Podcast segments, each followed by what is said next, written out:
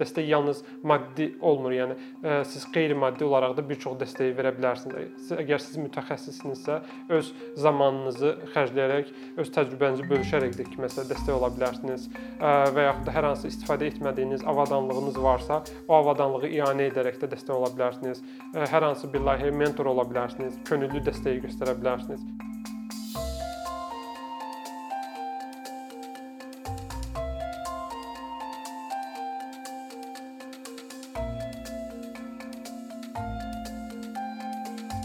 Öz müşahidələrimə və təcrübələrimə əsasən görürəm ki, yəni ölkəmizdə xeyriyyəçilik layihələrinə dəstək daha çoxdur, nəinki sosial və sosial sahibkarlıq layihələrinə. Bu günə kimi belə deyim, öz ətrafımdan bunu müşahidə etmişəm və görürəm ki, insanlarımız xeyriyyəçilik layihəsi varsa orada, onlara daha çox dəstək verməyə meyllidir. Amma sənin hər hansı sosial layihəyə, sosial sahibkarlıq layihən bunu sənin şəxsi layihən, şəxsi biznesin kimi baxır və mən niyə dəstək verməliyəm. Yəni bu cür yanaşırlar çox təəssüf ki. Amma biz məsələn sosial problemlərdən danışırıqsa, bunu xeyriyyəçilik yolu ilə biz həll edə bilmərik. Xeyriyyəçilik bizim üçün nə vaxt vacibdir? Hansı ki, təcili bir məsələ varsa, misal üçün deyə bilərəm ki, hər hansı xərçəng xəstəliyindən ə, əziyyət çəkən bir insan var və onun əməliyyatı üçün təcili pul lazımdır. Hə, xeyriyyəçilik bu zaman əvəzsizdir. Ə, ona təcili biz pul toplayırıq və ə, dərhal onun belə deyim problemi həll etməyə çalışırıq. Amma sosial problemlər bu cür deyil. Yəni sosial problemlər köklü problemlər olduğu üçün bunlara biz kompleks yanaşmalıyıq və bunun yolu da məhz sosial layihələrlə, sosial sahibkarlıqla belə deyim həll etmək mümkündür. Hazırda ölkəmizdə bir çox sosial problemlərin, ekoloji problem həlli ilə bağlı çalışan müxtəlif sosial layihələr, vətəndaş cəmiyyət təşkilatları, sosial sahibkarlıq layihələri var ki, yəni resurs çatışmazlığına əziyyət çəkirlər. Daha çox da onların yaranmasının yəni ilk mərhələsində Sosial sahibkarlıq yəni odur ki, cəmiyyətdə mövcud olan sosial və ekoloji problemlərin biznes və sahibkarlıq prinsiplərini tətbiq etməklə onun davamlı inkişafına nail olmaqdan ibarətdir. Bəs uzun əslində uzun illər boyu bu sosial problemlərin həlli istər hökumət səviyyəsində, istər də yerli səviyyədə ancaq hökumətin, dövlətin belə deyim vəzifəsi olaraq görülürdü. Amma zaman inkişaf etdikcə qeyri-hökumət təşkilatları müxtəlif sosial layihələrlə bu dövlətin həll etmədiyi və yaxud da həll etmək istəmədiyi problemləri həlli ilə məşğul olmağa başladı. Sonra isə özəl sektor öz korporativ sosial məsuliyyət və xeyriyyəçilik layihələri ilə sosial dəyişikliklər nail olmaq üçün çalışdı və bu tendensiyanın ən son e, variantı məhz sosial sahibkarlığa e, gətirib çıxardı. Əslində sosial sahibkarlıq dünyada da çox yenidir. 80-ci illərdən başlamış e, bir hərəkətdir. Amma sonradan artıq 2000-ci illər və indiki dövrdə dünyanın bütün yerlərində belə deyim geniş yayılıb. Sosial sahibkarlığa bizim niyə ehtiyacımız var? Birincisi hökumət, dövlət tərəfindən və özəl sektor tərəfindən qarşılanmayan ehtiyaclar arasında boşluğu doldurmaq üçün. İkinci bir səbəb olaraq cəmiyyətdən təcrid olunmuş qrupların cəmiyyətə adaptasiyasını təmin etmək üçün. Bunlar kimlərdir? Yoxsullar, işsizlər, məhkum olmuş şəxslər, əlilliyi olan şəxslər. Sonra sosial sahibkarlığa ehtiyac olmağın digər bir səbəbi e, işsizliyin, marjinallaşmanın aradan qaldırılması üçün və dördüncü də təbii ki, davamlı inkişafı və artımı təmin etmək üçün. Dəstəkçi, yəni resurslara ehtiyacı olan və cəmiyyətə faydalı bir təşəbbüsü olan şəxs, təşkilat, layihələrlə onlara dəstək ola biləcək müxtəlif e, şirkətləri, təşkilatları e, və şəxsləri bir araya gətirən onlayn bir platformadır. Kimin ki bir ideyası var, layihəsi var və resurs çatışmazlığı ilə əziyyət çəkir, platformaya yerləşdirir və biz də onlayn bizim platformamız vasitəsilə ona lazımi resurs belə deyim cəlb edirik. Dəstəkçidə biz e, necə fəaliyyət göstəririk? Kimin ki ideyası var və resurs ehtiyacı var, o bizim platformaya müraciət edir və heç bizimlə əlaqə saxlamadan birbaşa platforma üzərindən layihə yarat bölməsindən öz layihəsini ora əlavə edir. Sonra biz təbii ki, bizim kriteriyalarımıza uyğundursa, e, onu e, belə deyim platformamızda dərc edirik. Sonra onun həm layihə sahibi tərəfindən, həm də biz tərəfdən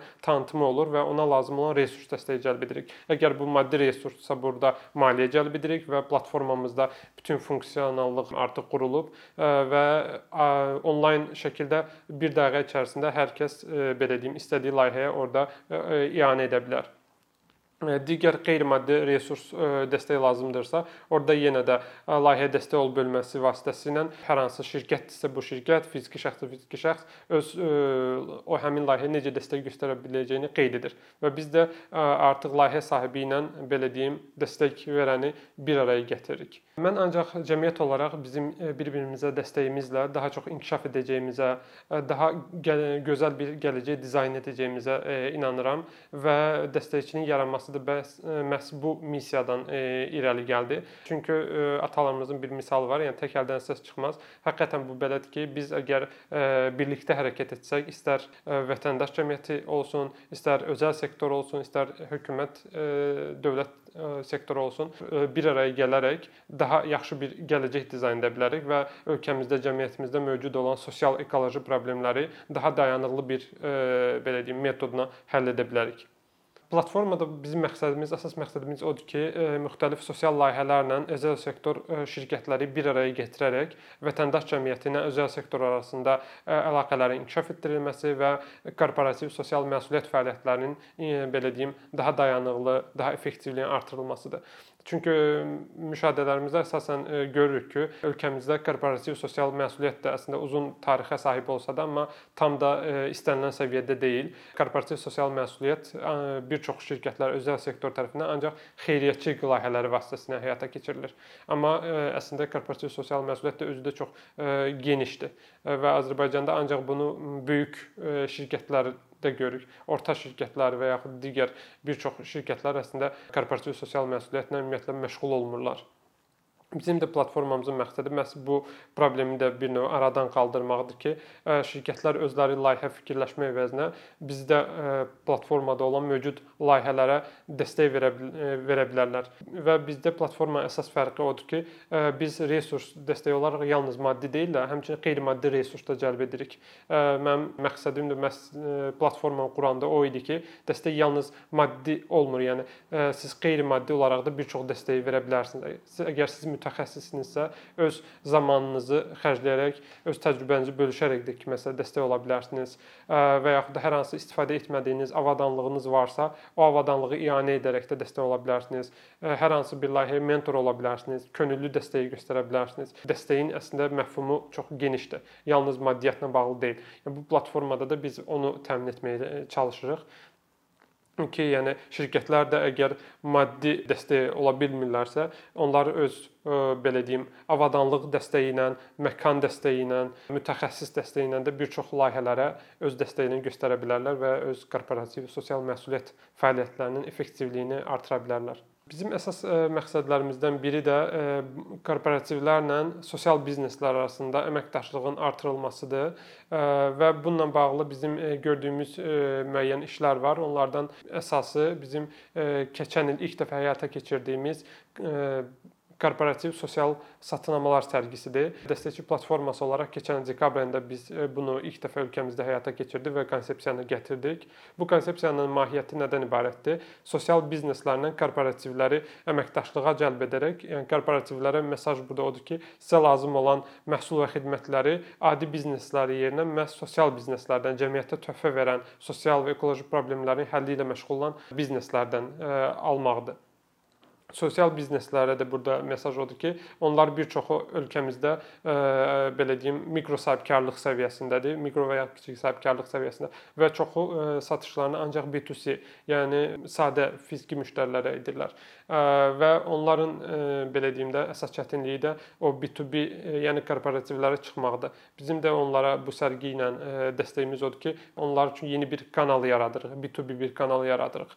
Ə, və əslində bu ə, konsepsiyada dünyada İngiliscə bu social procurement gedir, corporate social procurement. Dünyada da çox yeni bir konsepsiyadır. İstər Amerikada, istər Avropa ölkələrində son 5-10 ildə tətbiq olunur.